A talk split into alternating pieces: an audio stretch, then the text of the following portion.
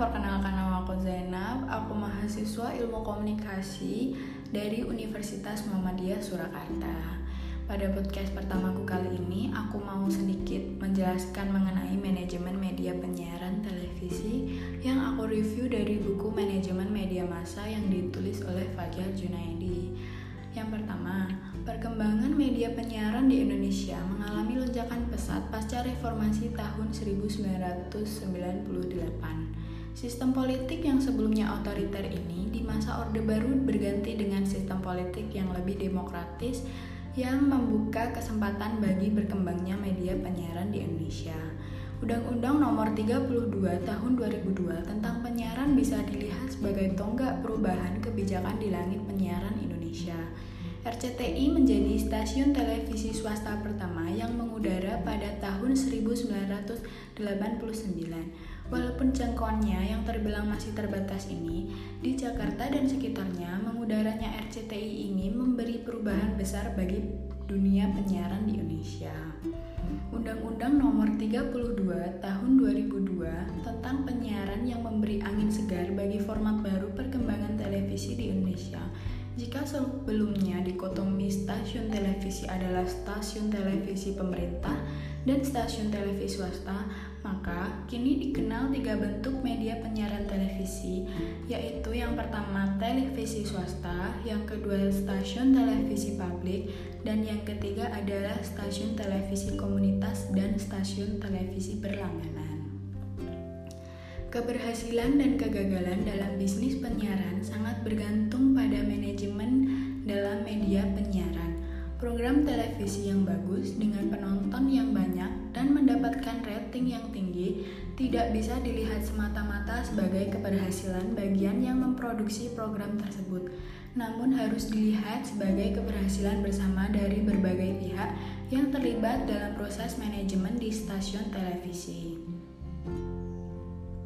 Manajemen penyiaran televisi tidak sekedar urusan bagaimana proses teknik siaran namun juga menyangkut pengelolaan sumber daya manusia, sumber daya keuangan, dan sumber daya peralatan di stasiun televisi.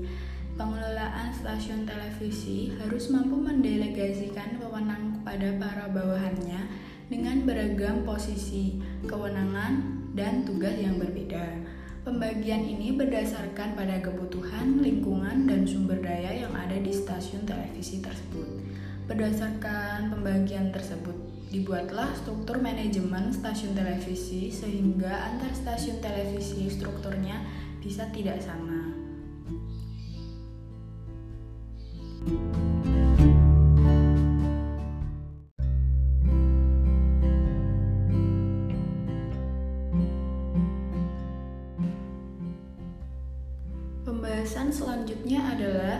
sejarah dan perkembangan televisi. Jika ditelusuri dari sejarahnya, perkembangan teknologi televisi dapat dilacak mulai berkembang pada tahun 1923. Pada saat itu, Vladimir K. Zworykin, seorang pegawai di Westinghouse, mempatenkan tabung gambar televisi yang di dalamnya terdapat iconoscope.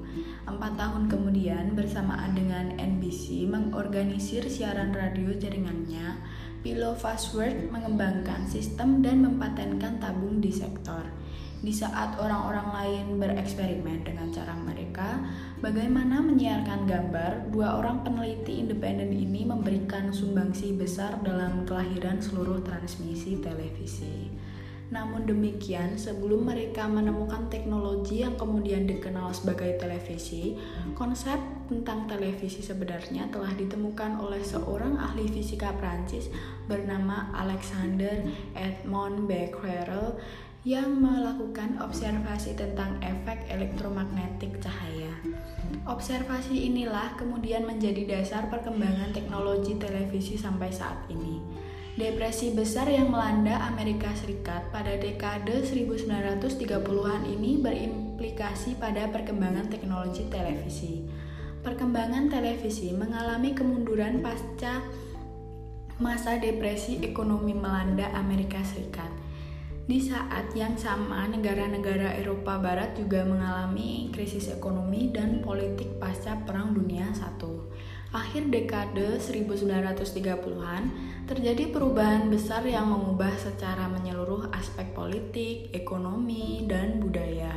Ketika sebuah teknologi baru diperkenalkan pada publik dan pada pameran dunia World's Fair yang diadakan di New York pada tahun 1939 ini, rakyat Amerika Serikat diperkenalkan dengan media yang paruh kedua abad 20 Masehi mendominasi.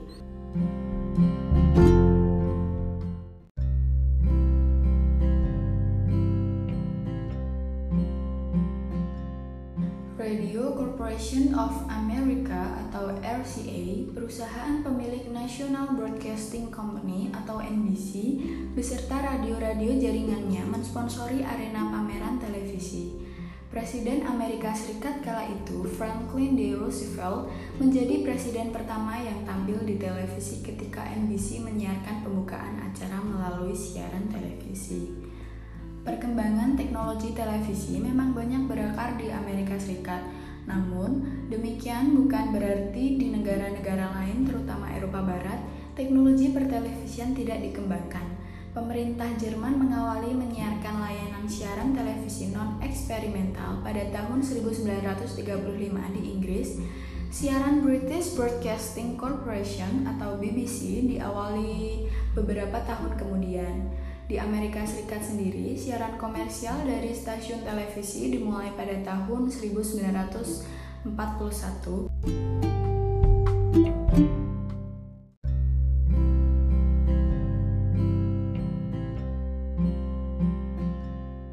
Perang Dunia II yang pecah pada awal dekade 1940-an ini menyebabkan perkembangan televisi mengalami kebuntuan.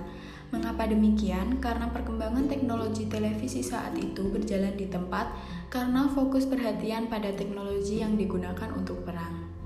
Tahun 1946, setahun setelah Perang Dunia II berakhir, penjualan televisi mulai bergeliat. Stasiun televisi mulai melakukan programming dalam siaran mereka, walaupun di Amerika Serikat sendiri hanya ada 10 stasiun televisi yang memiliki lisensi untuk siaran.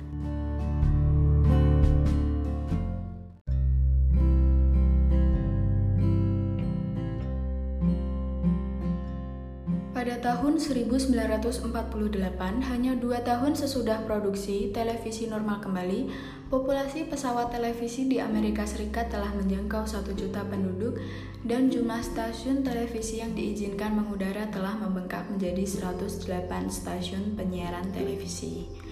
Pada tahun 1965, 94% rumah tangga di Amerika Serikat memiliki pesawat televisi dan di tahun 1990, 98% rumah tangga di Amerika Serikat mempunyai pesawat televisi yang separuh di antaranya memiliki lebih dari satu pesawat televisi. Jika dibandingkan perkembangan televisi di Amerika Serikat pada dekade tersebut, tentu tidak bisa dibandingkan dengan di Indonesia.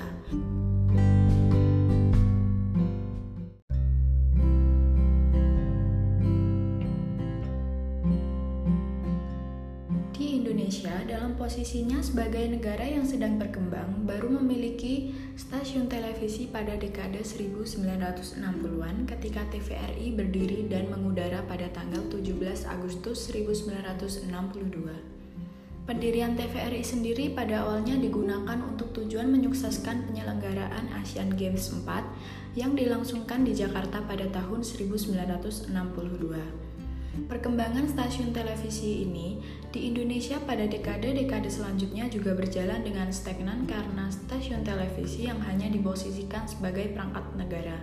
Ketiadaan kesempatan bagi swasta untuk mendirikan stasiun televisi menjadikan penyiaran televisi tidak berperan sebagai entitas bisnis sampai kemudian keluar surat keputusan Menteri Penerangan.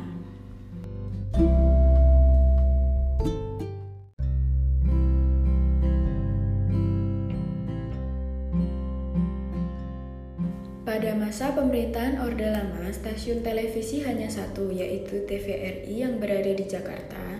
Sedangkan pada masa pemerintahan Orde Baru, stasiun televisi dibangun di daerah dalam bentuk TVRI daerah, seperti di Yogyakarta, Surabaya, dan kota-kota lain.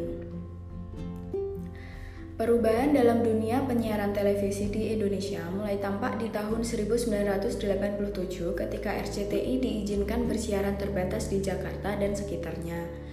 Secara resmi, status RCTI sebagai stasiun televisi swasta pertama dikukuhkan pada tanggal 24 Agustus 1989 oleh Presiden Soeharto.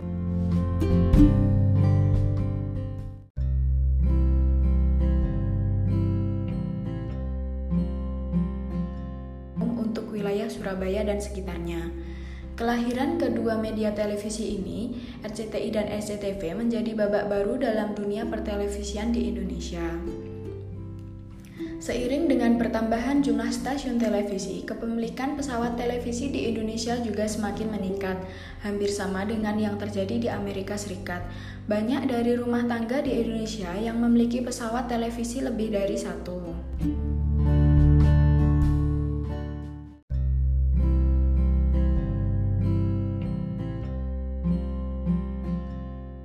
Teknologi televisi digital secara langsung juga akan menyebabkan persaingan antar stasiun TV juga semakin ketat. Teknologi digital setidaknya akan menyebabkan peningkatan jumlah stasiun televisi. Hal ini disebabkan karena digitalisasi televisi akan memberikan efisiensi dalam penggunaan frekuensi, sehingga satu frekuensi yang biasanya hanya dapat digunakan oleh satu siaran saja bisa dilipat gandakan menjadi 12 saluran program siaran dengan asumsi menggunakan teknologi sekarang. Dan pembahasan yang terakhir yaitu struktur dan posisi dalam manajemen televisi. Stasiun televisi dipimpin oleh manajer yang disebut sebagai manajer umum atau general manager. Di stasiun televisi besar juga disebut sebagai direktur utama. Selain itu ada istilah lain yang digunakan seperti presiden director, direktur utama, dan CEO, Chief Executive Director. Pemimpin tertinggi dalam institusi media televisi ini sekaligus menjabat posisi sebagai ketua dewan direksi atau board of directors.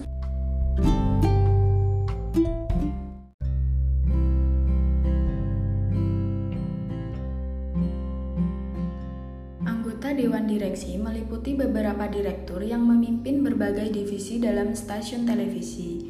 Dewan Direksi sendiri yang memiliki tanggung jawab untuk mengelola manajemen penyiaran dari stasiun televisi yang juga meliputi aspek bisnis dalam industri penyiaran. Direktur utama yang mengemban tanggung jawab pada seluruh bagian dalam stasiun televisi, di mana hal ini bisa dirujuk pada dua tanggung jawab utamanya, yaitu menetapkan sasaran target, pemasaran, dan mengendalikan pengeluaran.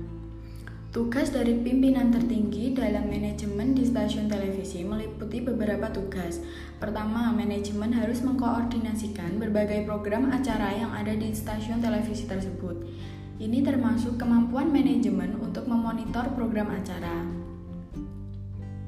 Secara umum, stasiun televisi dalam struktur manajemennya terdiri dari beberapa divisi di mana masing-masing dipimpin oleh seorang direktur atau manajer.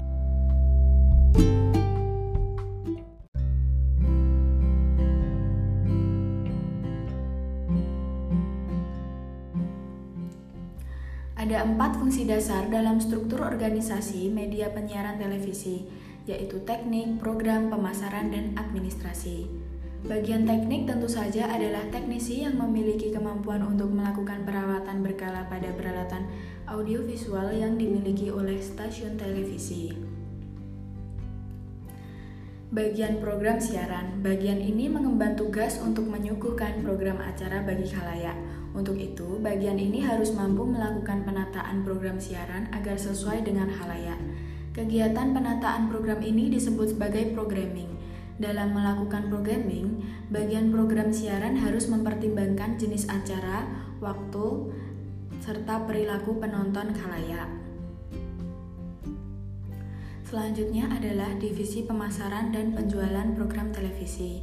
Bagian ini memiliki tugas untuk menjual program-program yang dimiliki stasiun televisi pengiklan.